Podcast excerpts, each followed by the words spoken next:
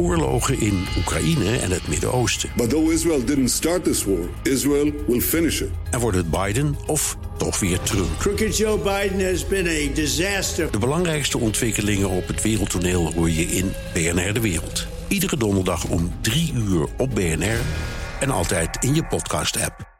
Dit is een podcast van BNR Nieuwsradio. Welkom bij de Technoloog nummer 35 inmiddels. En natuurlijk, natuurlijk Herbert Blankenstein. Welkom Herbert. Hoi. En we hebben Maarten den Ben Braber. van den Burg, vergeet Ja, Ben van den Burg, mijn eigen naam, ook mooi. We hebben Maarten den Braber. En ik ken hem al heel erg lang. En eh, Herbert die vroeg me, Ben, ik wil het over cyborgs hebben. Mensen die Ja. implants hebben. En dat vond ik een goed idee. Want ik Kruising tussen. Want cyborg besta- eh, ehm, ehm, eh, staat voor cybernetic organism. Maarten, klopt dat?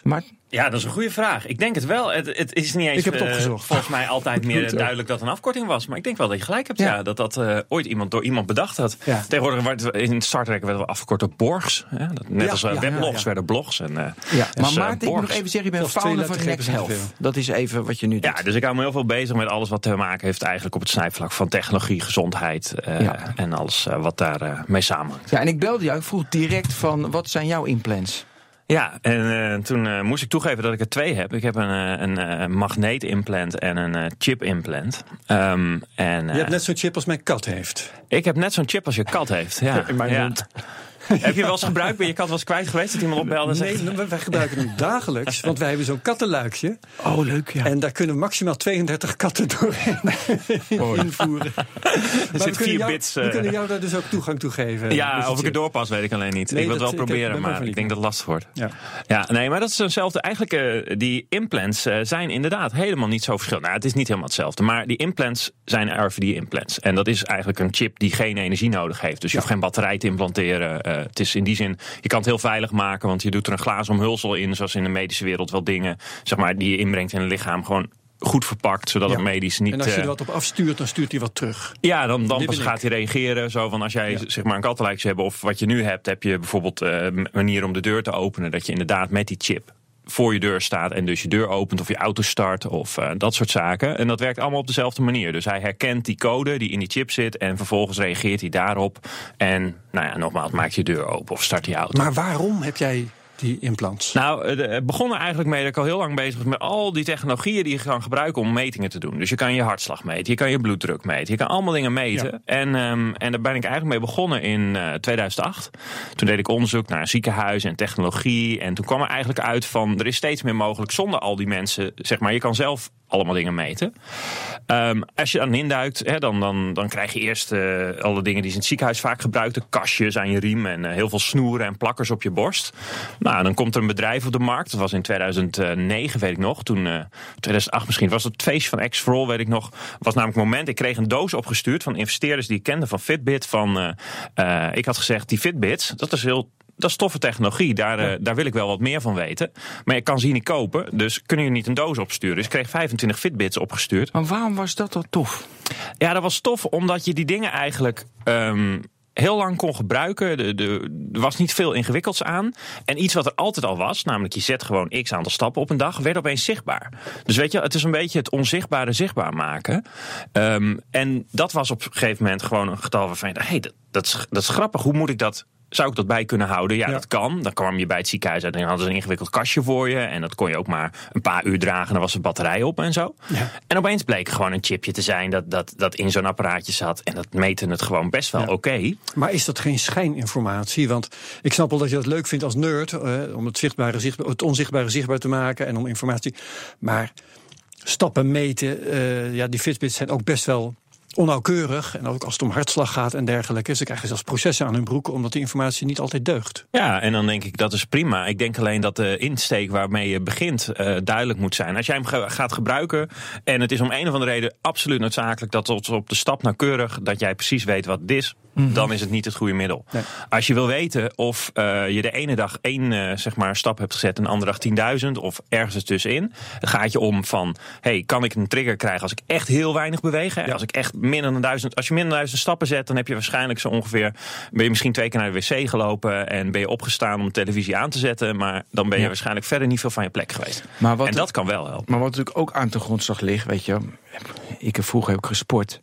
Ja, en voor mij was dat alles meten van mijn lichaam heel normaal. Dat waren dan met Polar, die had professionele dingen. ja. En had ik grafiekjes van mijn hartslag. Stappen was totaal niet interessant. Mijn vermogen met je fiets, hoeveel vermogen je trapt. En dat correleer, en, eh, je correleerde het- dus je hartslag met je vermogen. En dan deed je bloedtesten over met rond lactaat. 1990 Ja, rond waarschijnlijk, hè? 1990. Toen al? Ja. Ja, toen al. En lactaat. Maar dat kon nog niet natuurlijk. Het mooiste is. Kijk, waarom meet je hartslag? Omdat je je lactaat wil weten. Hoeveel, eh, hoeveel, hoeveel Hoeveel zuur je hebt. Eh, eigenlijk is dus je hartslag niet zo interessant. Het, het zuur in je bloed. Dus, maar dan moest je nog prikken in je vinger. En dan had je dan een meet. En dan maak, correleerde je allemaal. Dan maakte ik grafieken. Dus eigenlijk wat dus een ziekenhuis doet. Dat is bij de sporter. En van de sporter ging het dan naar Ja, de massa. ja. Omdat dat de technologie. bedoel, en dat is nog zo. omdat de technologie goedkoper wordt. En daardoor kon dat. Ja, kijk maar naar de. Ik ben een groot. eh, zeg maar, de sport die ik het liefste volg is wielrennen. En, en wielrennen is een sport bij uitstek voor nerds. Want eh, er is een jongen. DC, DC Rainmaker. Een jongen die dat helemaal volgt. Is naar de Tour de France geweest nog deze zomer. En die had niet. eh, normaal maak je foto's van een mooi plaatje van de finish. Of maakt niet uit. Maar die jongen had bijvoorbeeld alle powermeters gefotografeerd op elke fiets. Alle types. Hij had overal gekeken naar wat voor apparaat ze gebruiken om hun. Weet je wat ze gebruiken? Allemaal Strava tegenwoordig. Allemaal dat soort dingen. Ja. Die had hij. Er is zo'n wereld aan wat je doet. Maar er ligt wel iets onder wat interessant is. Iets heel moois vertellen met de. eh, Ja. eh, ja, dus ze hebben platforms. Dat ze dus zien van de wind gaat van links. Eh, jij hebt zoveel vermogen getrapt. Eh, de weg loopt iets naar beneden. Eh, dan moet je dus nu deze wielen steken in de laatste 60 kilometer. Want dat bespaart 1 seconde per kilometer. En dat rekent met algoritme helemaal uit. Wat wielen je moet steken. Of wat voor Ja. voorvork je nodig hebt. Dat soort. Ja, die, Er is zelfs een blog, fantastische blog, want het wordt van. Froome altijd gezegd. Froome is, is zeg maar de inmiddels vijf tijd eh, winnaar van de Tour de France. Vier. Vier? Toch? Ja, vier, ja, vier. vier keer. Ja, vier keer winnen van Tour de France. Dat hij heel erg zo rijdt. Hè? Dat hij heel erg kijkt van Mhm. wat zijn mijn gegevens? Kan ik nog meer trappen volgens mijn data? Dus daar rekent hij helemaal mee. En er is zelfs een blog wat alleen maar gaat over hoe Froome niet vooruit kijkt. En dat is sowieso al een vraag, wat is de beste houding? Maar hij kijkt niet vooruit, hij kijkt altijd op die meter. Hij kijkt altijd van waar zitten mijn gegevens? Ja, en wil ik toch En dat is voor, omdat hij wil optimaliseren. En dat, dat wilde ik eigenlijk beschrijven. Ja, en dat moet misschien later komen. Maar omdat ik ook, weet je, meten, meten, meten. Maar op een gegeven moment gooide ik mijn hartslagmeter weg. Want dan ben je meer bezig met data. En op een gegeven moment gaat het naar mij om meer mens te worden. In je gevoel. Dus die data leerde mij meer over wie ik was en wat ik kon en wat ik deed. Dan dat ik blind. Die, die data klopte namelijk niet altijd. Dat is een jouw verhaal, Herbert. ja, ja, ja. Weet je, dus je lichaam is vaak anders. Dus hoe Ja. zie jij dat? Ja, ik denk dat, de kijk, de je wereld, gaat een soort van beweging door. In 2008 was het nieuw en flitsend. Ja, we dus waar begonnen mensen mee? ja. Altijd meten, dat wordt de toekomst. Weet je wel, dat was het credo bijna van... oh, maar dan kunnen we altijd overal en elk moment zien. Dat is het eerste. Meten en weten zijn twee totaal verschillende dingen. Meten kan je doen. En weten, dat kan misschien op dat moment interessant zijn. Kan ook een jaar later zijn. Het kan ook zijn in een soort van statistisch totaal van heel veel mensen waarvan we het willen weten. En individueel heb ik er helemaal niks aan. Dat kan allemaal. Het zijn Ja, allemaal ja, ja, ja. je moet je afvragen waarom doe je dat. En vervolgens ehm, merk je dat dan mensen, dat er een heel klein deel, zeg maar, die categorie valt van altijd meten, alles willen weten. Dat zijn misschien mensen, weet je wel, die professioneel sport en die zeggen: het is voor mij super nodig dat ik dat doe. De rest van de mensen, er was een heel bekend onderzoek waar iedereen nog steeds aan refereert. Het was gewoon een, een marketingclub die had gewoon een, een onderzoek gedaan. Die hebben heel veel mensen gevraagd: die Fitbit, hoe lang heb je hem gebruikt? En het gemiddelde was zes weken. En na zes weken belanden die weer in de kast. Hele artikelen, want de conclusie was: Fitbit is een heel opgeblazen verhaal, want alle mensen na zes weken gaan ze er toch weer van af. En dat werd aangekondigd als: nou, dus het is niks waard. Mijn conclusie zou precies andersom zijn: het is juist heel waardevol gebleken die zes weken, en daarna op dat moment niet. Want er zijn ook weer veel mensen die hem een jaar later weer zes weken uit de kast halen. Kijken hoe ze ervoor staan. En daarna weer in die kast. En dat is ook een patroon. Dat is in ieder geval het patroon bijvoorbeeld wat ik zelf gebruik. Je maakt iets, bijvoorbeeld je houdt bij hoe je het doet. Dat weet je. Op een gegeven moment heb je een base level. Zeg je, ja, ik kan het wel nog blijven meten, maar ik zit iedere keer op dat niveau en dat weet ik wel. Tot er een aan- aanleiding komt dat je zegt, hey, nu heb ik het idee dat het weer heel anders in elkaar zit Ja. dan eh, de laatste keer dat ik het gemeten heb. geworden bijvoorbeeld? Ja, en ga ik opnieuw een soort baseline voor mezelf aanleggen. Kijken hoe het zit. Kijken of ik een patroon ga- kan zien. Weet ik dat? Nou, dan is het misschien ook wel weer goed geweest. En ga ik bijvoorbeeld of iets anders meten of ik stop hiermee. Ja, maar er zit wel iets in dat wij als mens, weet je, we meten niet, want wij leven tussen aanstakjes gewoon zonder technologie. En door de technologie gaan we ineens meten. En dan is het niet weten, maar we gaan meten. Waardoor er toch iets gedwongener in komt. Gedwongener dan gewoon, ik, ik leef in het veld en ik Weet je, ik denk dat ik ben onbewust dat ik mijn stappen Ja. maak of niet. Ja. Heeft, wat voor gevolg is dat? heeft ook gevolgen. Dat, Ja. dat kan maar niet ik ben het, kijk, je, je, begint met de aanname dat we allemaal leven dat het, het soort ideaalbeeld of het, het, het idee is dat we zonder technologie leven, zonder, laat ik het zo zeggen, zonder feedback.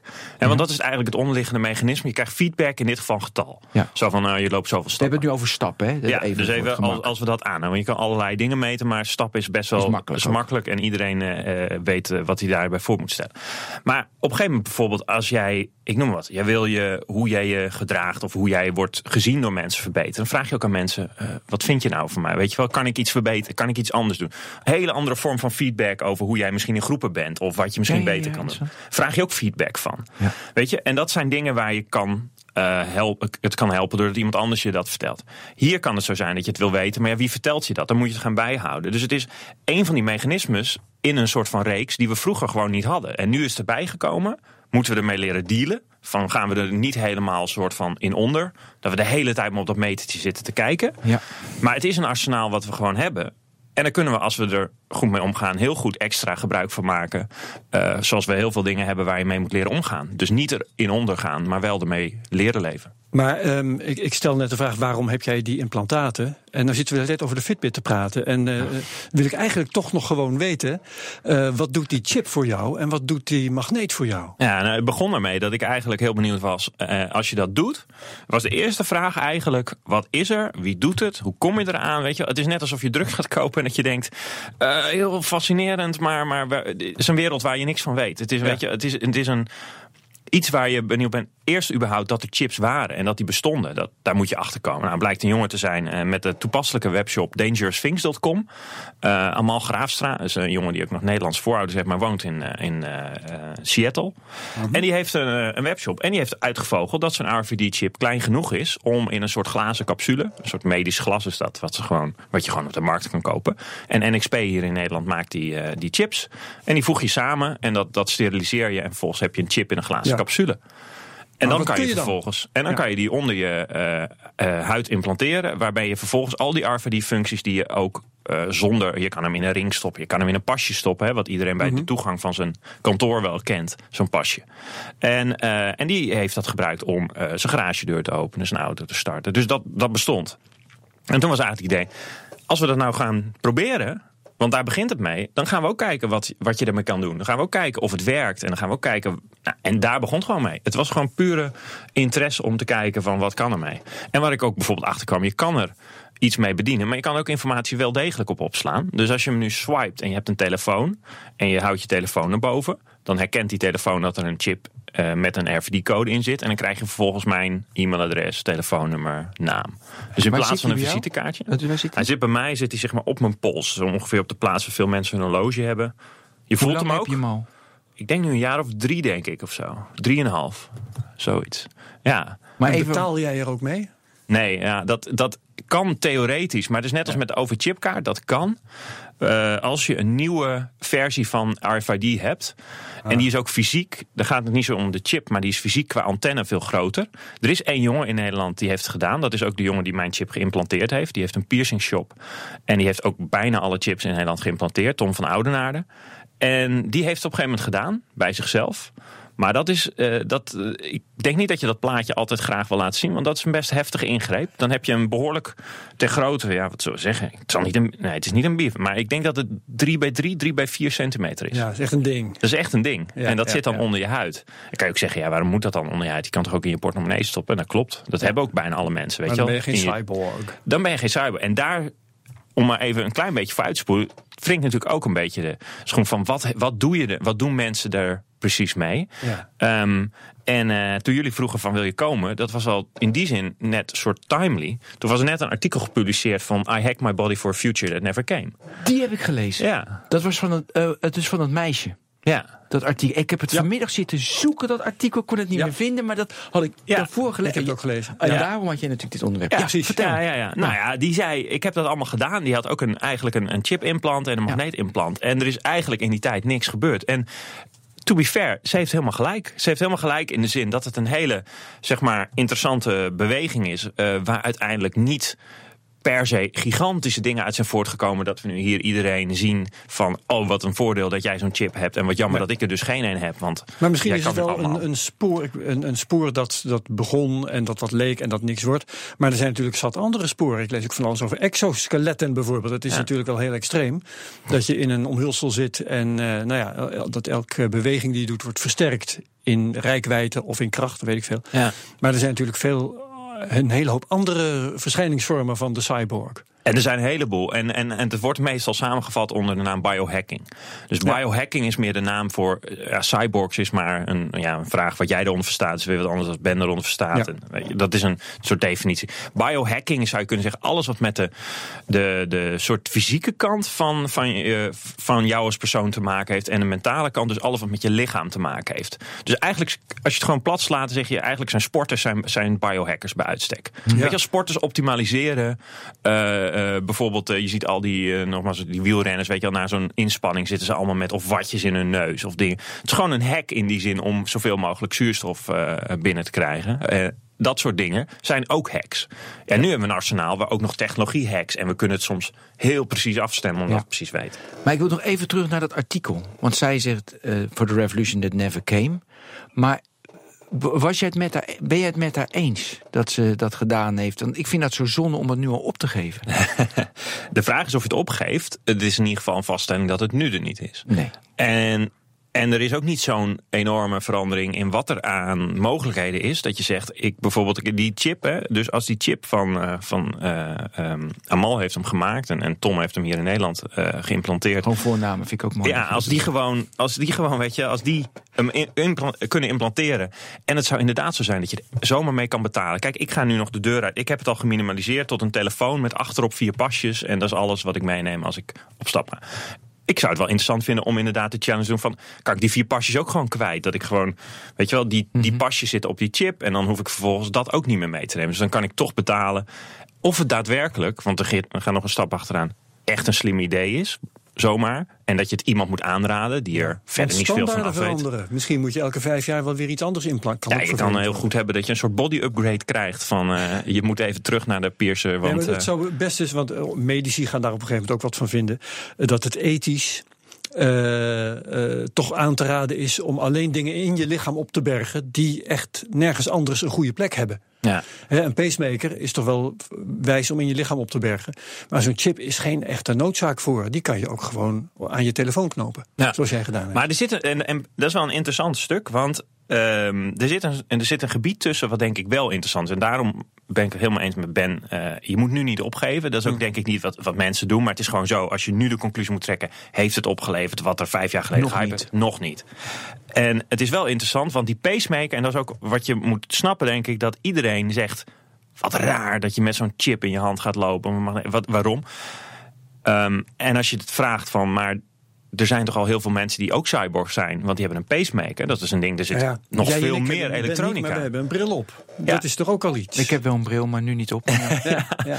Ja, dus dat zijn allemaal dingen waar we mee ons lichaam in principe een soort augmenten, uitbreiden, verbeteren. Ja. En, en vaak is dat, omdat als we dat niet doen, dan is ons lichaam in die zin net wat minder dan gemiddeld. En dat proberen we een beetje te compenseren, weet je wel, een betere hartslag, een beter zicht. En dat vinden we heel normaal. Ja, maar ik had dus gewild, en daar ben ik toch, toch teleurgesteld in, vanaf 2008 tot 2017, dat we nu al iets hadden, een chip of iets waarbij de use case van een pacemaker logisch, ja, je Ja. die moet een, eh, een boost, maar dat we nog niks hebben dat ik me bijvoorbeeld mijn aminozuren worden aangevuld of dat ik eh een oppeppen krijg of dat of ik krijg een vibratie, ben nu even rustig, want daardoor heb je straks meer energie.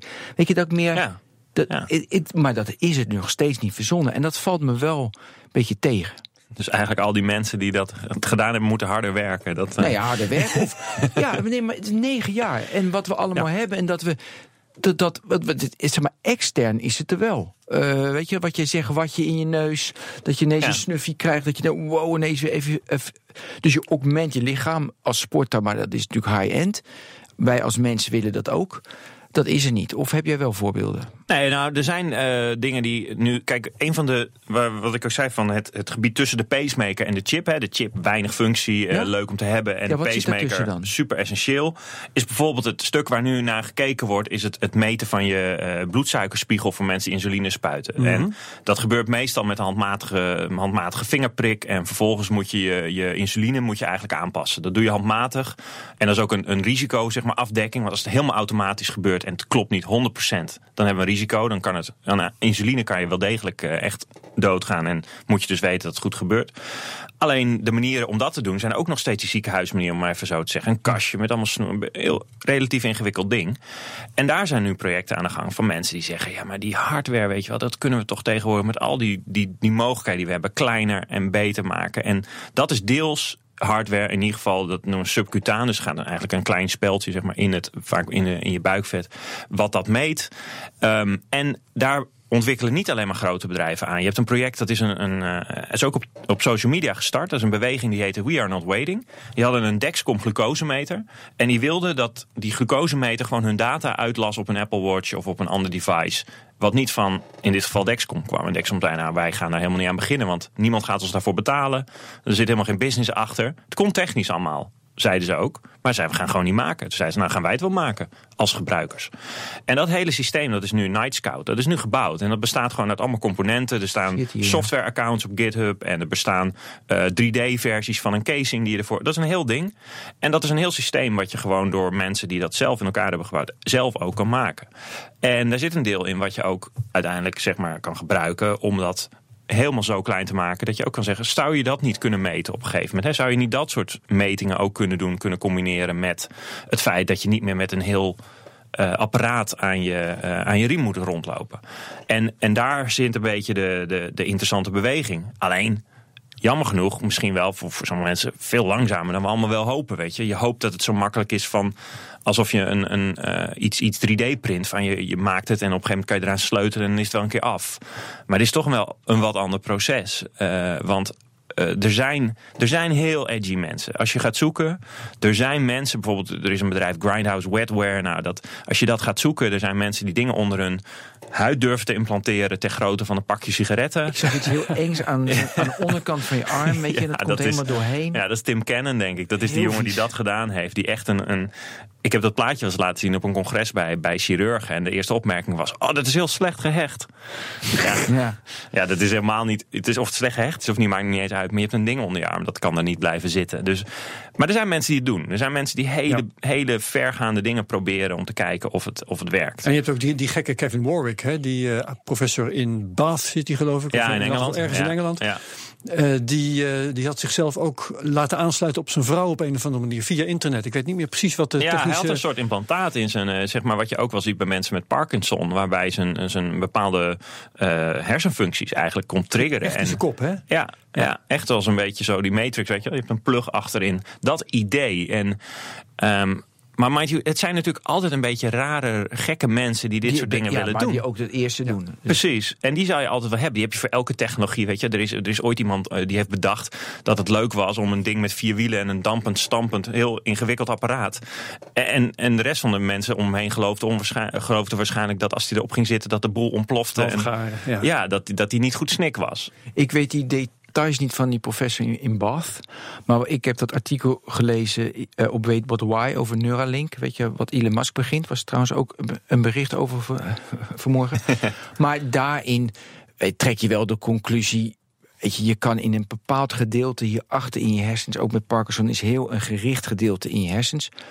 Maar voor de rest, weet je, wat zij willen is behoorlijk. Dat ik connected ben met jouw hersens. Die theorie is trouwens wel gaaf. Ik weet niet of ik hem ooit heb verteld, maar die is, die is echt heel mooi. Kijk, als ik, ik heb voor mij wel eens verteld, maar ik doe het nog een keer, want ik vind het een mooi verhaal. Kijk, als ik nu iets verzin in mijn hoofd, dan moet ik dat omzetten in woorden. Dan, uh, dan kan ik niet de juiste woorden vinden en dan spreek ik het uit. Jij hoort het, jij moet het omzetten. Herbert hoort het anders dan ik het. Uh, uh, ja, dus dan jij, dan ik het vertel. Dan zet jij het om in woorden die anders zijn. Dus er zit heel veel ruis tussen. En volgens die Neuralink, wat Elon Musk wil, zijn wij direct met hersens verbonden. Ja, verbonden maar hier zit een heel mooi punt. Weet, Gaaf, hè? Ja, nee, Oh. dus niet.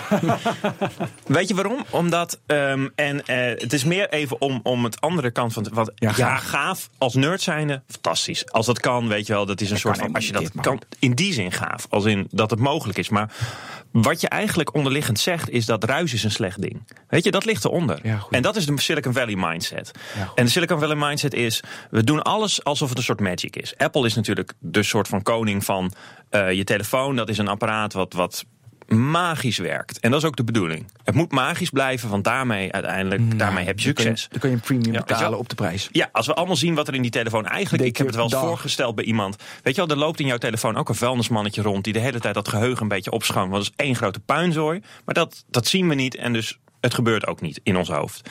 En dat is een beetje de gedachte van het idee is dat we allemaal maar moeten optimaliseren tot er geen ruis meer is. En ik geloof juist heel sterk, maar dat is een beetje meer algemeen, dat heel die ruis, net als dat we eh, ruis hebben in hoe wij, eh, om maar heel iets anders te zeggen, in de wereld wetten maken, dat is een heel rommelig proces. Of rechtspreken, dat is een rommelig proces. En dat is precies het idee, want het rommelige proces betekent dat we het waarschijnlijk niet allemaal met elkaar eens zijn. Weet je, jij bedoelt iets anders en je wil dat er En eigenlijk dat, heel anders en dat is juist mooi van de mensheid. ja, en dus en, en om één ding, weet je, ik, ik vind als credo vaak dat overall is er een, een gezegde, er is een mooie psychiater in Nederland die een boek over schreef, of in België een boek schreef, Dirk de Wachter. Learn to live with a little discomfort. Accepteer nou eens Ja. dat het gewoon een beetje rommelig is in deze wereld. En dan mag je best wel pogingen doen om gewoon iets te maken. En dan waarschijnlijk komt daar iets net een stukje minder rommelig uit. Maar de, de drang dat de wereld pas af is, als die helemaal op je opgeruimd en aangeharkt is. Ja, ik weet niet of ik in die wereld echt heel gelukkig maar er is ook een hele mooie analogie wat jij zegt met eh, DNA. Hè? Ook ons DNA, daar zitten overal zitten er stukjes rotzooi in die in onbruik zijn geraakt en die op momenten dat het eh, toevallig weer van pas komt op, opeens weer nuttig kunnen blijken te zijn. Maar dat is zo interessant, want we maken hier de, we maken de technoloog. En, de, en technologie zorgt juist voor, weet je, voor efficiëntie. Een RFID-chip en dan kan je de deur openen. Dus we maken die, we, alle processen efficiënt. Ehm, dus dat is bijna onderliggend in technologie wat er gebeurt. Steeds alles effectiever, efficiënter maken.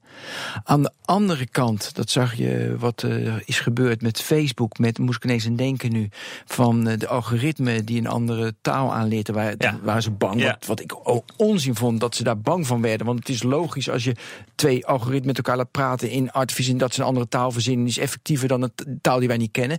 Ik vind dat logisch. En dan van, oh, we moeten het experiment stoppen, want dat gaat de verkeerde kant. ontzettend interessant. Interessant. Dus ik begreep moet het van dat. taalkundig opzetten. Ja, daarom. Dus het was heel raar dat ze daar eh, zeg maar, paniek Ja. Maar je ziet dus wel de laatste twee, drie jaar dat dus dat we weten niet meer waar het naartoe algoritmeteert. Mooi woord. Ja, die taalkundigen die kunnen we hier ook wel gebruiken. precies. Ja, mooi. En, ik- dus dat vind, ik, dat vind ik wel mooi. Want nu ga je, want jij bent ook een technologiefreak. Ja, en je zegt ja. nu juist moeten we het onbekende.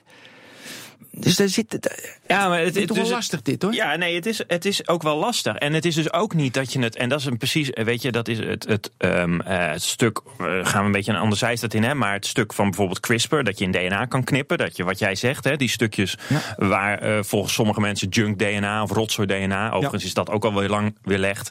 ehm zitten. Dat je die eruit kan halen en op kan schonen. En, kan, en dat proces moet je ook daarom niet doen. Niet niet doen. Dus niet zeggen van dat moet je niet doen. Want we moeten het allemaal een beetje rommelig laten. Dat zeg ik niet. Ik zeg alleen maar.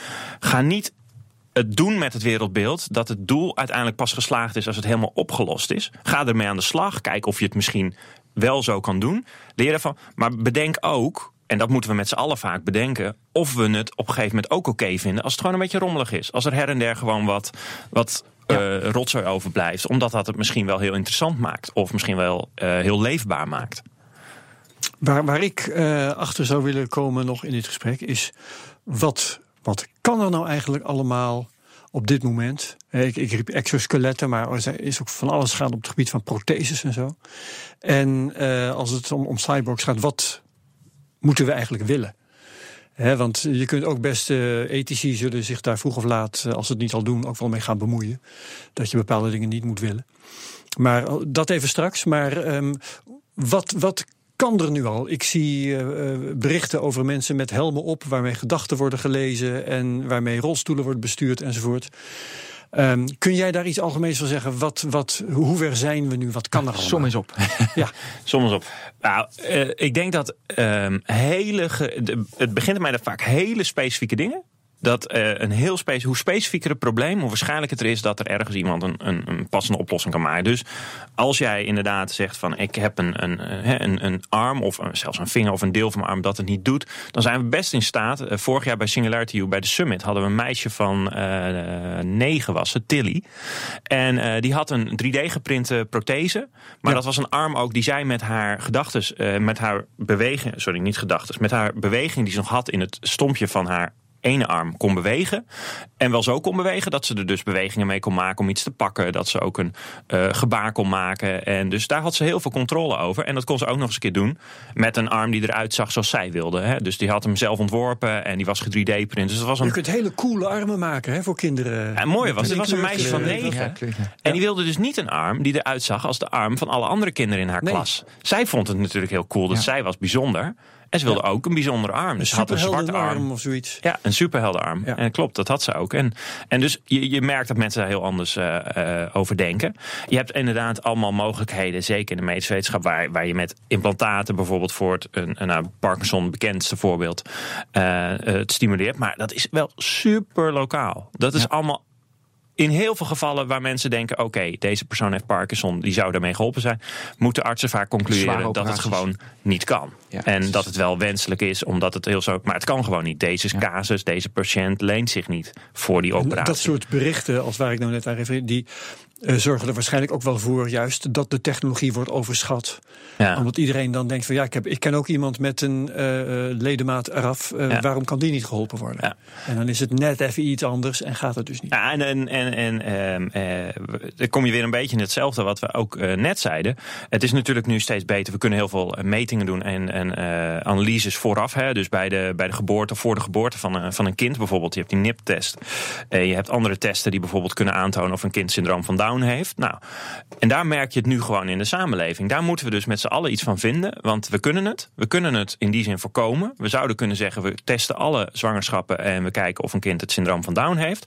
En als jij dat dus toestaat, als jij zegt, dus oké, vind ik, eh, vind ik ehm, goed, dan heb je een kind met Down. En, en mensen hebben de kans om het niet te doen. Alleen wat gebeurt er vervolgens met de mensen die wel een kind hebben met syndroom van Down? Die worden eigenlijk aangekeken met de Dus vraag: in waarom heb je daar niks zo aan dat er gedaan? nog maar heel weinig kinderen zijn met Down. Ja, dat weet ik eigenlijk niet. Dat Ja, zou de- best kunnen. Ja, dat heb ik gelezen. Ja. Heel weinig. En dan mensen, waarom heb je dat gedaan? Ja. Ook zo mooi. Waarom heb je dat gedaan? Ja, waarom heb je dat gedaan? En dat, dat geldt ook om, omdat we het hier veel hebben over, over wat je zelf kan doen. Met cyborg zou je kunnen zeggen, stel dat het allemaal straks beter kan. Hè, dus dus eh, je zegt van, kijk, ik kan mijn hand kan ik 180 graden ongeveer draaien en houdt wel op. Ik kan mijn hand niet eindeloos rondjes laten draaien. Maar zoals een, een eh, Tilly, die heeft een hand. Ja, en er zit gewoon een motortje in. En die kan in principe in plaats van een hand, als zij een schroef in de muur wil boren, kan ze er een schroefkop op zetten. Niemand die dat tegenhoudt. Ja. Oh, maakt allemaal niet uit. Dat kan allemaal. Ja, en ja, als jij ja, zegt, ja, maar dat, is, dat moet iedereen hebben. Dat is super veel handiger dan Waarom al heb die mensen. eigen handen nog? Dat hoeft toch niet? Precies. Maar dan kun je Ja. nagaan hoe uniek de mens is. Want er is dus nog niets eh, verzonnen waarvan Hey, ik denk... dat, maar, maar, maar dat die vraag gesteld wordt, be- dat betekent nog niet dat, eh, dat er iets vervelends aan de hand is. Als die vraag gesteld wordt, dan geef je er toch gewoon antwoord op. Ja, daar geef je er antwoord op. Maar als het antwoord door heel veel mensen wordt gesteld, niet wordt ge, als het niet wordt gevraagd en het antwoord wordt gewoon gedaan, dus nog even die NIP-test in gedachten, dat als alle mensen dat gewoon weten en we hebben daar niet allemaal discussie over, maar iedereen beslist het voor zichzelf, Ja. dan wordt de mening wel voor je gemaakt. Dus dan is het idee wel van, eh, ik kan, hè, dat is hetzelfde probleem wat je ook hebt met, eh, met Facebook. Je kan wel zeggen, ik zit niet op Facebook, maar als 99,9% van je vrienden dat doet, die hebben al hun feestjes gepland via Facebook uitnodiging. En jij bent de enige zegt, ja, ik hoef dat toch niet te weten. Eh, dan is het wel lastig om nog te zeggen dat je dat helemaal. Dus ook daar. Ja, maar zover is het... Is, ja, oké, Nee, daar- is het wel. helemaal niet mee. In het sociale verkeer heb je dat soort dingen altijd wel. Ik bedoel, er is een tijd geweest, dat was je, dan was je toch wel een beetje raar als je niet rookte. En dan moest je dat eigenlijk uitleggen. Tegenwoordig is het andersom. Ja, dat soort dingen heb je. Ja. Ja, en daar moet je dus wel inderdaad in die zin. Daarom is het wel goed dat er steeds meer, weet je, er zijn in Nederland ik, dingen als. Ik, ik betwijfel toch als ik dat de mens. Kijk, er is nog eh, niet zo van ik laat mijn arm afhakken, want eh, ik kijk, eh, krijg ik iets beters terug. En ik betwijfel echt, pff, het is gevaarlijk. Of we ooit, dat de mens is voor mij wel zo uniek fysiek. Ja. Ja. behalve mijn hart dan, dan moet ik natuurlijk een Luister eens even, ik, ik heb me dat afgevraagd. tegenvoegen. Mooi. Mooi. Oscar Pistorius. Ja, nou daarom, die, is, die kan harder lopen met die is Dat is, dat is heel wonderlijk, want eh, het, het- dat zul jij ongetwijfeld ook Ja. weten. Eh, dat is dus voor wie het niet weet, die man eh, met de, eh, zonder onderbenen, zonder voeten. En die De dan Blade loopt op van die, de Blade Runner loopt op van die autoveren, lijken het wel, hè, van die bladveren. En eh, die start veel langzamer dan andere eh, lopers. En dan komt hij op gang en dan gaat hij verschrikkelijk hard. En op de 400 meter is dan toevallig zo dat eh, ja, dan kan hij winnen of net niet winnen. Maar dat, Ja, hij behoort bij zit de top van de wereld. Dat is in de gevangenis, dat is een ander verhaal. Is vriendin vermoord. Maar ik heb Sorry, toen serieus gedacht. Hè, want hij mocht meelopen tussen de gewone atleten Ja. op de Olympische Spelen van ik weet niet welk jaar, dat zul jij misschien weten. In elk geval, 12. Nee. toen heb ik gedacht, als dit het beeld wordt, 16. dat je tussen de gewone atleten mag rondlopen. Ja. En als, als je dan op een bepaalde afstand geheid wint, Ja. tenzij er vijf van die gasten zijn met de benen eraf en, en. Dan gaan mensen echt hun benen door. Want als je als atleet beroemd wordt Dan hebben en rijk, miljoenen. Dan doe je dat wel. Volgens Ja, mij wel. Maar hebben die discussie die er was. Want ze zeiden allemaal: hij heeft voordeel, hij heeft voordeel. Dus Ja. zeg maar, de veer die moest dan strakker of niet strakker. Want als die veer zeg maar beter is, dan Oh ja. kan die van één afzet nog harder lopen. Dat was heftig. Dus ze hebben hem zo afgesteld, wat ik dan gelezen heb, dat het nog. Ja, dat slaat nergens op. Nee, ik vind sowieso hoor dat je zou aparte categorieën moeten hebben. Hè? eh, Blade Runners en non-Blade Runners. Dat, En dat eh, is ook mooi. dat ik, ik zat even te wachten tot het moment. Ja. Maar die aparte, categorie, die, die aparte categorie is namelijk al. Er is een cybathlon in eh, Zwitserland. En die doen dus precies de, de Olympics. Maar dan Olympics met mensen die dus augmented zijn. Dus het zijn mensen Ja. met exoskeletons. Het zijn mensen Ja, met Blade. Runner, zeg maar, eh, eh, benen. En die, die, com- ja, die competition is alleen maar tussen mensen met... Dan is het eigenlijk zo van, eh, net als dat we in de sport vaak regels hebben... in hoeverre mag je wel aerodynamische pakken. Weet je, je kan heel veel, maar de Unie die beslist dan vaak wat er wel en niet mag. Nou, en hier hebben ze een cyberlon. En ja, ga je gang. Je mag kijken of je het slimmer kan maken. Of je iemand in een... Ja. En, en daarin eh, wordt nu wel gedaan. Maar die, die crux trouwens, die, dat verhaal, dat is... Ja, het is ook de vraag of, of dat het meest relevant verhaal is. Dat verhaal van, eh, ga je je arm inderdaad vervangen... als je een betere arm kan. Er zit nog echt wel heel veel in het gedachte van een soort van... eh, eh, wat maak je, eh, wat is nog het idee dat je, dat je mens bent en wat zijn mensen daarvoor op te geven? Ik denk dat dat heel erg onwaarschijnlijk is dat we dat binnen afzienbare tijd krijgen. Dat, Tuurlijk, ik, ik zei dat gaat. Maar, maar een hele simpele is natuurlijk gewoon een lens. Weet je, waarbij je ver kan kijken. Wat je al hebt, want je hebt een lens waarbij je, als je slecht ziet, dat kan je al zien.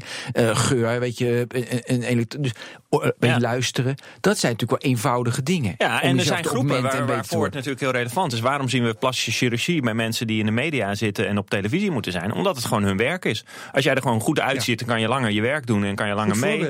Is het gewoon iets waar je in investeert? Als jij, ik noem maar wat, als jij een militair bent ehm, en je zicht gaat achteruit op je 40ste, terwijl je nog tot je 55ste moet eh, meedoen. En je kan vervolgens een operatie doen. We zien het nu al, zou je kunnen zeggen, laserchirurgie voor, eh, of laserbehandelingen voor ogen. Eh, voor sommige mensen is het gewoon een investering in de zin van dan kan ik mijn werk blijven doen en op de manier waarop ik wil doen. En dat soort dingen, ja, dat soort aanpassingen. Dus het is wel een. In die zin is het wel een, een glijdende schaal. En de grap is dat door die chips en die magneten die we implanteren, lijkt het een, een wereld uit science fiction boeken. En dat is het voor sommige mensen, het zal nog wel een hele tijd blijven. Maar tegelijkertijd is er al zoveel in het domein gekomen van wat we helemaal niet meer zo gek vinden. Dus die, die eh, laserbehandelingen voor je ogen. eh, het feit eh, dat we Ja. pacemakers hebben. Dat we überhaupt glucose kunnen meten met een continue meter onder je huid. Vinden we allemaal al een heel stuk normaler. En de, de, de overlap zit er maar vaak bij.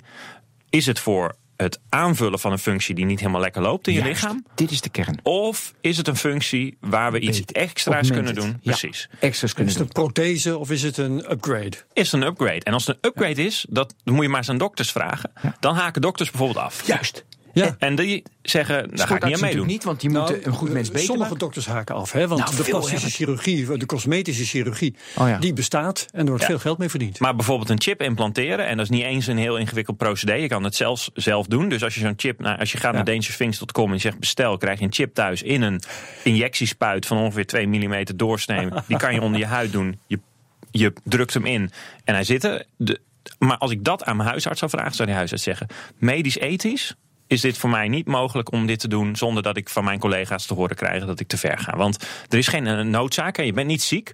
Dus een, ja. een Nonokkeren, je, kan niet, je moet niet iets fout doen. Of je moet geen do no harm. zeggen. Dus je moet niet iets stuk maken als niks uh, En heb jij er zelf een mening over? Vind jij alles wat technisch kan moet kunnen? Of denk je er anders over? Ja, ik vind dat, eh, en dat was helemaal in het begin van het gesprek vroeg je van waarom ben je ermee begonnen. Ik was echt benieuwd naar die wereld. Waar kom Ja. ik terecht? Ik kom dus terecht bij een piercingartiest. Ja. Die piercers, jongen, die doen echt. Je, doet, je wil niet weten wat al die mensen allemaal onder hun huid implanteren. Van, Ja, van balletjes en siliconen. En het is allemaal body modification. Dus eh, van tatoeages is zeg maar de simpele. Dat is, dat is één deel van het spectrum, maar dat gaat, dat gaat heel ver. En een chip, ja, een chip is, is, is amper meer voor hun dan een tatoeage. Ik ga even heel simpel. Wat doe je nu eigenlijk met je chip?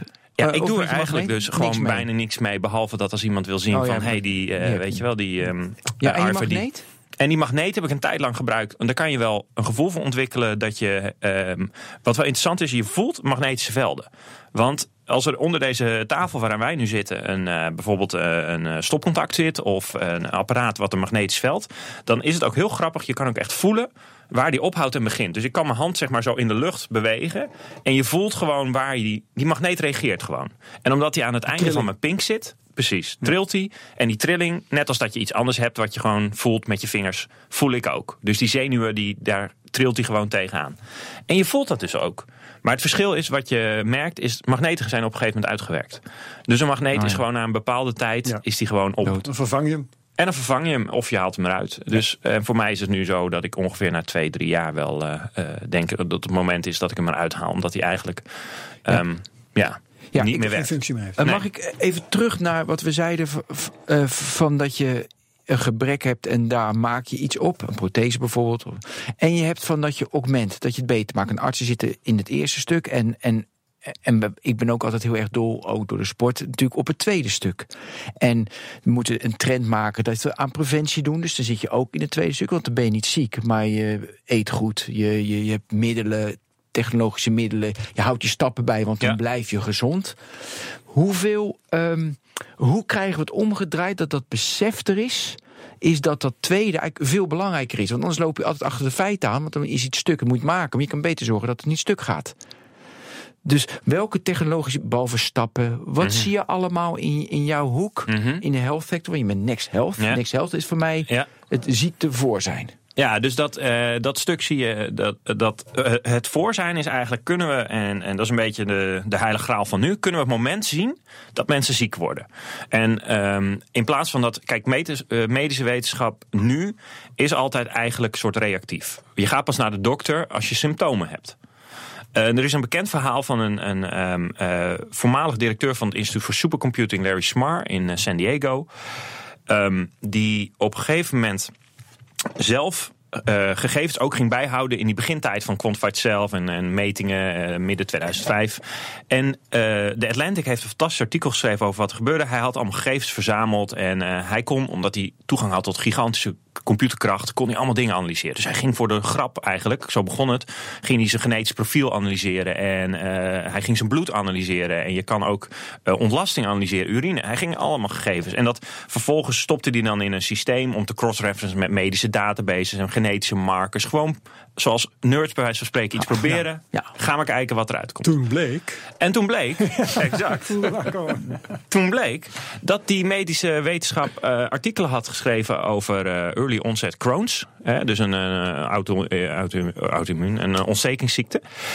En dat bleek overeen te komen met die gegevens die hij had verzameld. Dus hij naar de dokter. Hij zegt, nu heb ik wat. Hij zegt, data dat ik ziek ga worden. En die dokter vraagt, heb je ook symptomen? Hij zei, nee. Toen zei de dokter, nou dan kun je weer naar huis. Want dan ben je niet ziek.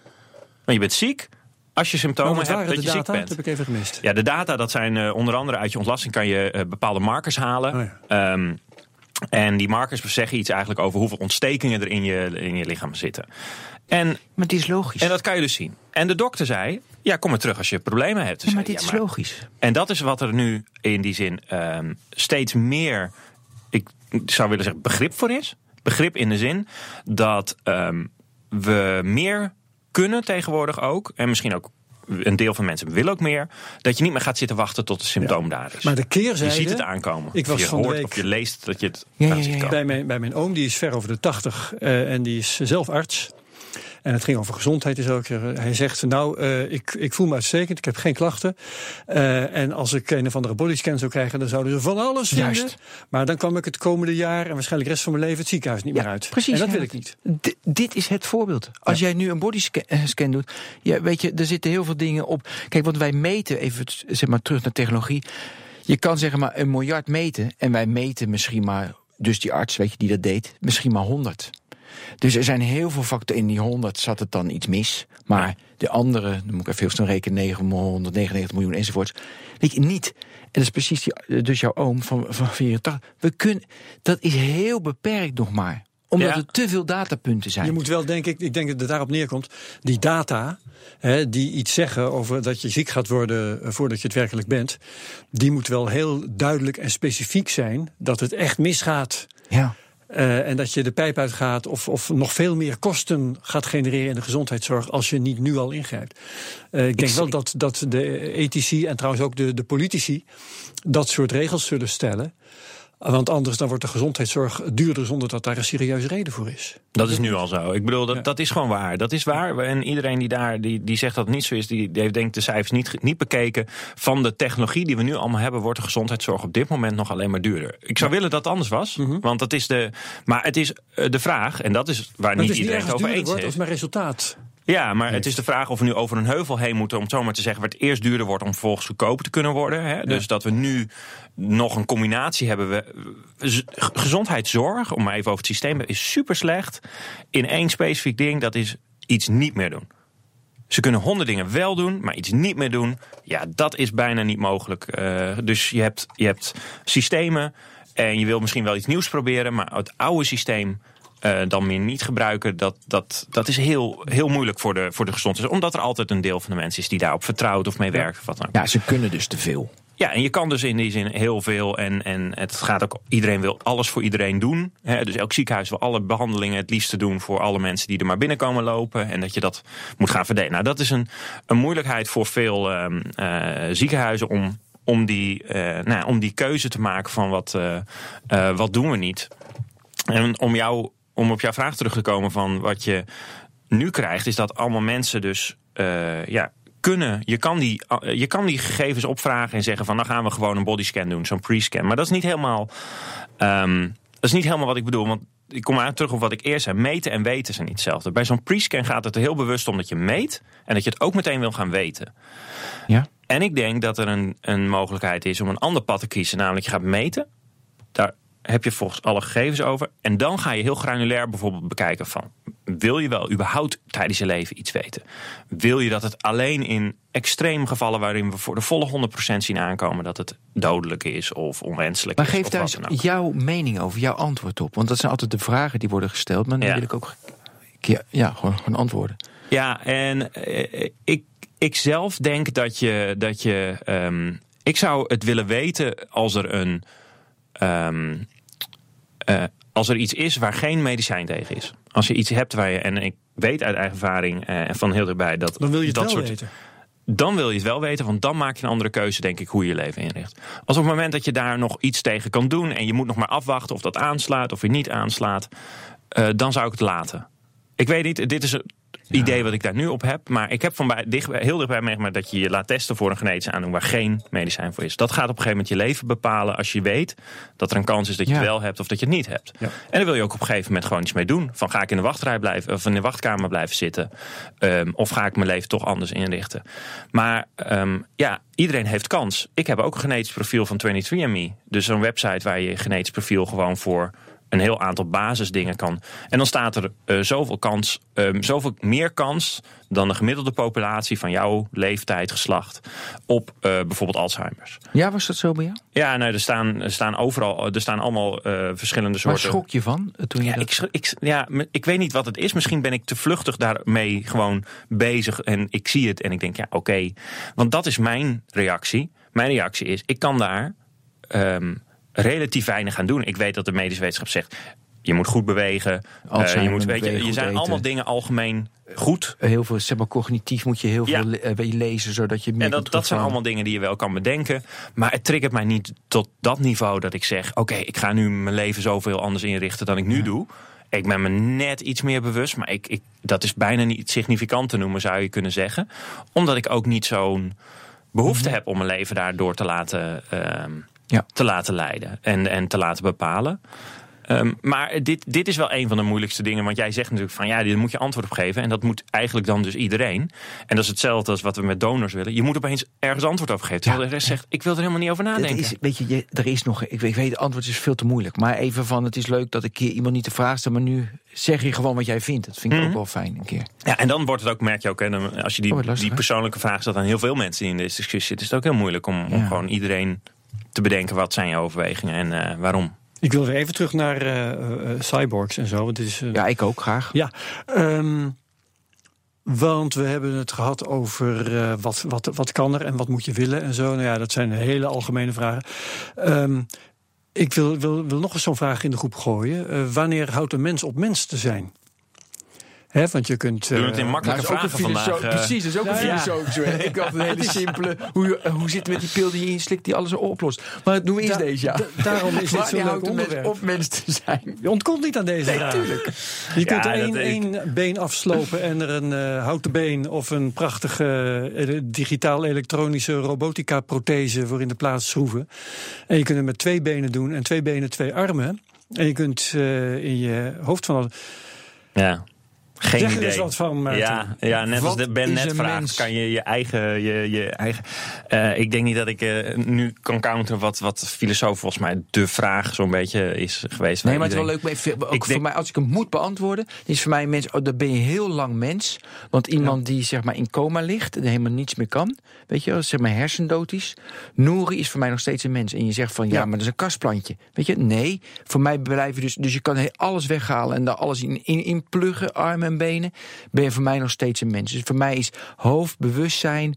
eh, ja, het hoofd heeft heel erg mee te maken. Dat is mijn Ja, antwoord. da- daar, daar zit je persoonlijkheid. Dat, dat vindt bijna iedereen. ja, of heb jij. Ja, ik vind het een hele moeilijke vraag. Ik zat Ja. te bedenken, als, je, als, je, eh, hè, als, als er iemand anders van je kan houden, ben je dan een mens. Maar er zijn heel veel dingen waar je van je kan houden. Hè. Dat zijn Dat aspecten, zijn niet ja. allemaal mensen. Dus dat is een beetje, als je het om, omdraait, wordt het ook een lastige redenering. Ik heb er geen, En geen jij, goed antwoord op. Wat is ik, jou, eh, Eh, ik denk ook dat het hoofd heel belangrijk is. Er, er wordt wel gesproken, eh, een of andere gek geworden Russische arts is daarmee bezig, met van hoofdtransplantatie. Ik denk dat jullie er ook wel van gehoord hebben. Ja. ja, Ik, ja, ik ja. heb dat En dan- filmpje gezien ook. Dan, eh, dat noem ik toch meer een lichaamstransplantatie. Dat is ook waar het op neerkomt. Oh, ja. Want die persoon in kwestie die heeft eh, iets aan zijn lijf waardoor hij niks meer aan zijn lijf heeft. Ja. En die wil een lijf waar die weer wel wat, eh, wat aan heeft. Ja. Maar eh, ja, zullen, hij krijgt dan natuurlijk eigenschappen mee van de vorige eigenaar van dat lichaam. Mhm. Maar uiteindelijk zal hij zeggen van nou, dat gaat een stuk beter zo. En enfin, het is nog steeds de eigenaar van dat hoofd. Dus ik denk dat daar eh, de hoofd. En als er in het in de hersenen allerlei ziektes zijn of beschadigingen, dan heb je het over persoonlijkheidsverandering. En dan zegt een vrouw bijvoorbeeld: Het is, het is niet meer de man die je kende waar ik mee ben. Of, of Nou, maar het is nog wel een mens, hè? dat is heel wat anders. nog Het is, wel een een mens. zeker mens. Ja, want er ja, zijn ja, natuurlijk heel veel mensen die te, te maken hebben met situaties waarin iemand heel erg verandert. Door ziekte. Of eh, je kent het ook wel, de, de meest bizarre vormen van mensen die een ongeluk krijgen. Plotseling een hele eh, andere taal spreken, andere persoonlijkheid zijn. eh, dus er kan eens. Maar dat zijn allemaal wel, wel mensen. En, ehm, en in die zin is het zo dat. dat ja, wat, wat een mens een mens. Maar ik.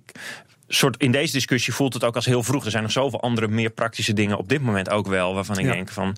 Maar ja, de vraag is terecht. En eh, eh, ik weet alleen niet wat het antwoord precies ons oplevert ook. Als we het, als we het precies weten. Nou, het is dat we dan zeggen: oh, dat is, dat is de grens. Weet Ik je vind het wel Dat interessant. de- Want als, eh, Ben, eh, als we het erover eens zijn, eh, hoofd en zo. eh, wat zou jij zeggen als het mogelijk zou zijn om de hersenen te verwijderen en het lichaam te besturen met eh, allerlei digitale apparatuur? Op afstand weet ik veel. Hm. Heb je dan nog een mens? Ja, vind ik onwijs lastig. Ja. Ik ook hoor. Nou, ik denk nu aan al die science fiction films als eh Ex Machina. Weet je, dat is natuurlijk echt gewoon. Weet je, maar die ziet er zo menselijk uit dat je ook denkt van, is dat, is dat, maar natuurlijk geen cyborg, dat is een robot. Weet je, dus, maar die is zo, die, dat, dus die robot, ik weet science fiction, maar heeft zoveel bewustzijn, waardoor je ook een robothond, weet je, die ga je aaien. Dan, dat vind je als een- dat is je hond. Ja, ja. Dus- ja, in de zorg heb je bijvoorbeeld Daarom. een robotzeehond. Hè. Dat is een, een best wel bekend eh, eh, iets wat in ehm, verzorgingshuizen gebruikt wordt. Waar ouderen een zeehond, die kan je, je kan hem aaien. Hij reageert hij dus met aanrakingen. Dat is Ja. voor bepaalde mensen is dat in die zin comforting. eh, hè, dus dat, dat stelt gerust. En dat, dat, en dat werkt. Dat is natuurlijk een, een benadering van een werkelijkheid. Ik denk ook niet dat je moet aanbevelen om een echte zeehond eh, in het verzorgingshuis eh, te introduceren. Maar Maar als experiment zou het heel goed zijn voor die mensen. Misschien moeten we dat een keer voorstellen. Maar dat, ja, dat, dat, zijn, dat zijn vervangingen. En, eh, en dat is overigens. Je haalde dat artikel even net aan hè, over die twee algoritmes, waar dat experiment. Ik denk waarom het zo aansprak, waarom mensen er zo, zo heel erg soort door getriggerd waren, was de idee dat, daar een, dat er een wereld is wa- waarin het dus niet meer nodig is dat er nog een mens aan te pas komt. Dat, niet eens dat het experiment gestopt is of niet gestopt is of wat dan ook. Maar dat er dus experimenten zijn al überhaupt. Ja, en dat je de controle kunt verliezen. Ik denk dat En dat je daar gewoon eh, inderdaad eh, helemaal niet zo heel erg veel, veel tussenkomst nog van hebt. Ja. En eh, dat mensen daar eh, Dus zich afvragen, hoor ik er nog wel wat bij? uitspoken. Ja, maar dat is toch niet verbazingwekkend voor de luisteraar en voor ons? Dat dat aan de hand is? Dat een, weet je, dat algoritme... Ja, ik denk het wel. Ik, Oh. maar dat is een andere. eh, ik denk wel, want alle AI die wij nu kennen, in ieder geval de meeste AI, moet ons op een bepaalde manier ergens het leven makkelijker maken. Ja. Nee, maar ik bedoel, in je auto, in je Tesla zit, zit eh, self-driving car AI. Omdat jij vervolgens makkelijk van A naar B kan. Ehm, we hebben ehm, eh, manieren waarop we slimmer eh, eh, eh, op de beurs eh, trading kunnen doen. En we kunnen dus, dus in plaats van dat wij zelf op al die knopjes moeten drukken, doet een algoritme dat. Maar op het moment dat daar twee algoritmes met elkaar praten, dus de andere kant is niet meer een mens en daar. Is dat, eh, daarom is dat voorbeeld van de beurs is, is eigenlijk waar het ook al gebeurt. Ehm, dan wordt het opeens door mensen heel anders bekeken. Hè. We de, in 2008 hadden we Flash Crash. Dat was een, een, een half seconde. Ja. Het heeft ons drie maanden in aanleg en twee jaar in totaal gekost om te achterhalen wat er in die halve seconde in godsnaam gebeurd is. Ja. En, en dus er, er is een failsafe gelukkig geweest die dat heeft Ja. voorkomen tot erger. Maar die wereld, die, die, die gebeurt. En, en, en wie bepaalt, dit waren eh, slimme wetenschappers die blijkbaar konden drukken op het knopje escape en eh, stop het algoritme.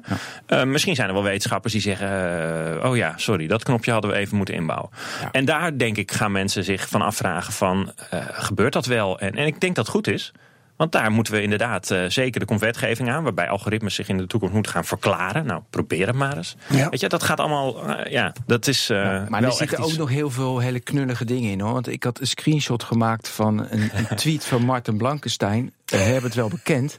en die had, die had een screenshot gemaakt van zijn Facebookpagina. En het, dan heeft hij geschreven: Het blijft griezelig hoe goed Facebook weet waar ik behoefte aan heb. En de screenshot op zijn Facebookpagina was: Ben je al verzekerd voor de islamitische uitvaart? Facebook-algoritme. Wel? Dat is natuurlijk. Dus daar moet ik ook lachen. Even, eh, even tussendoor. Ja. Ehm, ik wil, we hebben nog maar eh, vijf minuten, maar ik wil Ja. even ook die, eh, ik, die pil. Want ik lees natuurlijk ook allemaal dingetjes, maar dan weet ik de details niet. Maar jij zit er nu voor die details. Je slikt een pil in en die gaat dan alles meten of ik mijn lichaam nog goed, goed in, eh, in balans heb. Hoe ver is die pil die dan door mijn lichaam Nou, er zijn een paar pillen geprobeerd... waarvan er nog maar een ja, eigenlijk niet één ontzettend doorgebroken is. Er is al heel lang eh, wel bijvoorbeeld een videopil. Hè, dus je kan een pil inslikken in plaats van endoscopie bijvoorbeeld... die een beeld maakt van, eh, van eh, je darmstelsel bijvoorbeeld. En dat in kaart brengt in plaats van dat je met vloeistof... heel onaangenaam proces... En- En sturen ze het dan door of, of poep je het weer uit en daardoor heb je Ja, het laatste. videobeelden? Ja, het laatste. Ehm, en dus dat, dat gebeurt al wel. En er zijn pillen die de, de meest. Op een gegeven moment was een bedrijf Proteus Digital Health. Die wilde een pil op de markt brengen in combinatie met een pleister. En die pleister zat dan ter hoogte van je maag. Waar de pil dus terecht komt op een gegeven moment als je hem doorslikt. En die zou dan op het moment dat hij in je maag terecht komt een signaal afgeven. En de bedoeling was dat je die pil inneemt tegelijkertijd met je medicijnen. In dit geval vaak medicijnen voor het afstoten van transplantatieorganen. Die medicijnen moet je iedere 24 uur heel strikt innemen. Vergeet je dat één keer, dat is onwenselijk en vervelend. En twee keer, dan kan je het vergeten, want dan begint zo'n orgaan af te stoten. Ehm, en dat is gewoon ook nog steeds gestrand op gewoon allerlei praktische bezwaren. Dat het niet zo simpel is. Dat het niet zomaar zo, eh, zo werkt. En dus een verhaal over, ik weet niet exact aan welke pil je in dit geval refereert, maar het idee ook gewoon van een pil die zegt van oh, ik slik hem in en die checkt eventjes bij wijze van spreken de En die 10 stuurt, basics ja. van of mijn lichaam een beetje lekker optimaal werkt. Zo'n typische pil is er niet. Bijvoorbeeld, er is al, eh, ja, jij bent sporter, je kan het, hè, je core temperatuur is, is essentieel. Hè? Dus ehm, er zijn op zo'n heel specifiek probleem, eh, eh, op zo'n specifieke vraag, hele grote projecten, bijvoorbeeld de Vierdaagse van Nijmegen, eh, hebben ze vorig jaar volgens mij voor het laatst hebben ze een, een, een test gedaan met 15 mensen die zo'n pil ha- hadden. Om te kijken, kan zo'n pil gewoon een heel goed beeld geven van je interne temperatuur.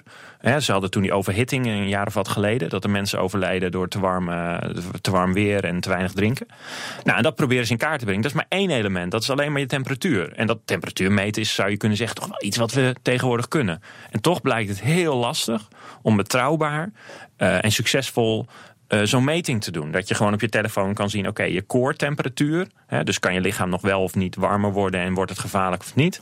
Om dat te meten. Nou, dus dat zijn allemaal deeltjes waar we, waar we, zoeken, waar we zoeken naar oplossingen. Maar een soort van ja, een, een wondermiddel of een Nee, wonderpil op dit moment is nog niet, eh, in ieder geval op mijn radar verschenen dat die, eh, Nee. dat die bestaat. Hey, ehm, we hebben het gehad over eh, wat, er, wat er kan en, en eh, wat je moet willen en zo. Eh, wil ik eigenlijk nog graag weten, ook weer zo'n zo'n moeilijke vraag, maar ook een beetje de bekende weg. We hebben vullingen in onze tanden, we hebben brillen op, we hebben gehoorapparaten, noem allemaal maar op. Ehm, vinden we allemaal heel normaal. Die dingen waar we het nu over hebben gehad, gaan we die automatisch heel normaal vinden? Of gaat er maatschappelijke weerstand komen? Gaat er op een gegeven moment eh, een, een paal de grond in dat iemand zegt tot hier en niet verder? Wat denk jij? Nou, ik denk dat de enige tip die je kan geven is lees vooral veel science fiction boeken. en dat is niet alleen maar leuk, maar dat is, ik, ik kan één aanrader doen. Er is een fantastische serie Apex van Rames Naam. Eh, en dat is echt een aanrader. Ik ben helemaal niet Het is een super... serie, is ja, er zijn, nou, er zijn drie boeken van, dus het is een boekenserie. APAX? APEX. APEX. APEX. Oh. AP- Apex. En, ehm, eh, en dat, dat, ja, dat, dat is een near future beeld. Vaak is het heel ver weg. Dit gaat een beetje over 40 jaar. Dus dat is, Ja. kan je je nog voorstellen. Dan zou je nog eh, kan je zeggen Ja. van dan ben ik er nog. En dan, dan kan ik me voorstellen. Oh, Ik dat, niet, hoor. Dat, nou ja, dat weten we niet. Hè. Tegenwoordig Nee, als mensen nu. Dan eh, haal je de 100 Oh, ik wel. eh. Ja, dan ben ik, dan ben ik eh, 90. Mooi. Dus dat kan je allemaal. eh, ehm, en dus. Er zijn zoveel scenario's dat het erom gaat. Kan je je voorstellen dat bepaalde scenario's komen. En, en dus kan je tekenen dat zo'n scenario staat te gebeuren. Bijvoorbeeld herkennen. En, ehm, en ook, ik denk dat je die zin gewoon. Ja, je kan eigenlijk zien dat mensen ook wel een best wel groot aanpassingsvermogen hebben als het gaat om allerlei. Weet je, de hele dag met een telefoon aan oor. Iedereen kent dat filmpje inmiddels van Frans Ja. Bromet van 99, geloof ik was het. 99. Dat is echt Ja. niet lang geleden. Ja, maar kijk, in En 99... maatschappelijk zijn we er heel erg Nee, maar kijk, door veranderd. in 99 wisten Herbert en ik, wij lachten toen al om dat filmpje, want wij wisten van dit gaat groot worden. Dat voel je aan. Ja. En ik vind met cyborg-achtige elementen, daarom vroeg ik naar die beelden. Ik wil nu al een houvast hebben, denk ik, van. Nou, de technologie is nog niet zo ver, maar dit is een use case. Ik snap hem, ik zie hem, dat gaat het worden. En ik, dat vind ik zo jammer dat ik zelfs in dit uur dat niet, dat ik denk van, dit is hem. Dat Nee. jij niet een voor, met een voorbeeld, ik vind het allemaal nog een beetje kinderspel. Een beetje Ja. spelen. Dat is niet erg, hè? dat kan ook, dat we dat- die conclusie hebben. Maar niet van, ik ga daar mijn geld op zetten, dat is hem. Nee, maar dat is ook wel. En, en, en eh, eh, dat dat is ook wel interessant wat in dat artikel waarmee we begonnen, hè, dat van I Hack My Body for Future that Never Came, wordt, eh, wordt eh, ook Amal aangehaald, die jongen die die chips verkoopt. En die zei: wat heel erg veranderd is, is sinds dat de verkiezing van Trump was, dat je plotseling ziet dat die community heel erg veranderd is. Dat er minder mensen lijken te zijn, want die community van mensen die gingen bodyhacken en dat gingen proberen, was eigenlijk een, een groep mensen die heel positief naar de toekomst keek. Zo van: er gaat fantastisch, weet je, dit gaat allemaal vooral verder. Het lijkt wel alsof dat in ieder geval een tik heeft gehad. Dat wil niet zeggen dat het weg is of dat het niet meer zo komt. Maar er heeft wel een verandering Ik ben het plaatsgevonden. helemaal met je eens. Dat de mensen die daarmee bezig waren ook te zien hebben gekregen. Er is een groep. Die hebben helemaal niet dit beeld wat ik heb. En, en mijn vrienden en zo van wat jij zegt van wij lachten in 99 al om dat filmpje. En dat heb je gelijk ingekregen. En nu zien we dat het ook anders kan lopen in de, in de Maar ja, samenleving. Eh, ik wil jou heel, vraag, heel graag een vraag stellen. Vind jij dat het techno-optimisme is afgelopen of nee, sorry, is afgenomen of toegenomen de laatste twee jaar als je een grafiek hebt in, in je hoofd? Ik heb geen enkel idee. Echt niet. Voor mij is dat afgenomen, techno-optimisme. Ja. Nou ja, dat, en dat, ik weet eh, niet. Ja, en dat refereert aan je. Maar ik, ben het ook met, met wat jij net zei, eh, Niet volgens eens. mij niet eens. Dat is ook niet voor het eerst. Want ik ben inderdaad ook sceptisch over de hartslagmeters en, en de chips. En ook over die, eh, sommige mensen zetten hun kop onder stroom, weet Oh je wel. dat soort Ja. aan bodyhacking heb je ook. Maar ik ben heel positief over die protheses bijvoorbeeld. En over de exo exoskeletten en allerlei dingen om gehandicapten weer aan de gang te krijgen. Dus, en Ja. het gekke beeld is dan, juist die simpele dingen, daarvan zeg ik dat is volgens mij inderdaad niks. Maar de hele complexe high-tech, eh ja, bodyhacking kun je het nauwelijks noemen. Het is gewoon Ja? vervangen van lichaamsonderdelen. Dat gaat groot Ja, dat worden. ben ik met je eens. Want we hadden net dat onderscheid Want tussen van iets is een stuk en je moet het beter maken. Dat gaat goed. Ja. Zoals in 1999 gewoon eh, zeg maar business usage of een, eh, of, of een autotelefoon. Dat ging goed. Maar het, het ging er mij om, gaat de massa. Weet je wat we in 2008, gaat de massa mee. En ik zie nog geen... Ik zie nog geen producten voor de massa. Dat is eigenlijk Ja. mijn teleurstelling. Nou ja, dat, dat, ik denk dat dat ook wel meevalt. Want eh, ik noem bijvoorbeeld gehoorapparaten. Eh, Ja. ik weet nog, mijn wiskundeleraar had een gehoorapparaat. Daar was hij altijd mee aan het kloten in de klas. En dat ding werkte niet goed. En volgens mij zijn die zo verschrikkelijk veel beter geworden alweer.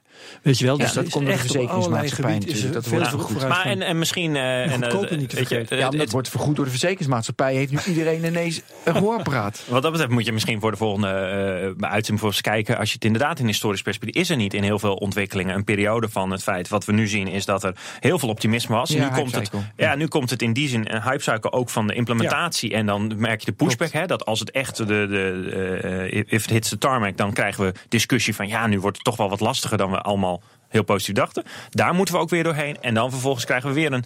En dat heeft ook te maken met nieuwe thema's en nieuwe dingen. Maar ik denk ook, misschien is het ook wel een combinatie van die twee. Dat we, dat we ja, je hebt er ook bij, weet je, die mobiele opkomst. Daar zien we nu superveel implementatie doen. eh. Dus het, het gebeurt echt. En dan Ja. zien we ook dus tegelijkertijd de pushback. Van dat is niet allemaal positief. Ja. Daar gaan we het nu weer een tijdje over hebben. En dan vervolgens gaan we dat wat we hebben geleerd combineren met nieuwe spannende dingen. En gaan we weer een fase zien van, hé, hey, nu gaan we dit en, en, en dit. Het kan een, in die zin een e- eind zijn waar niet de use case uitkomt. Maar wat gaat Ben je helpen om die andere use cases beter te kunnen plaatsen en te denken van eh, waarom, eh, waarom wordt dit eh, het volgende? Oké. Mooi. Herbert, bedankt. Ehm, Maarten en Braber, bedankt. Fijn dat je er was. Ja, jullie bedankt voor En, de uitnodiging. Ja, en tot de volgende Ben keer. ook, bedankt. Ben ook bedankt. Dit was de Technoloog nummer 35. Tot de volgende keer.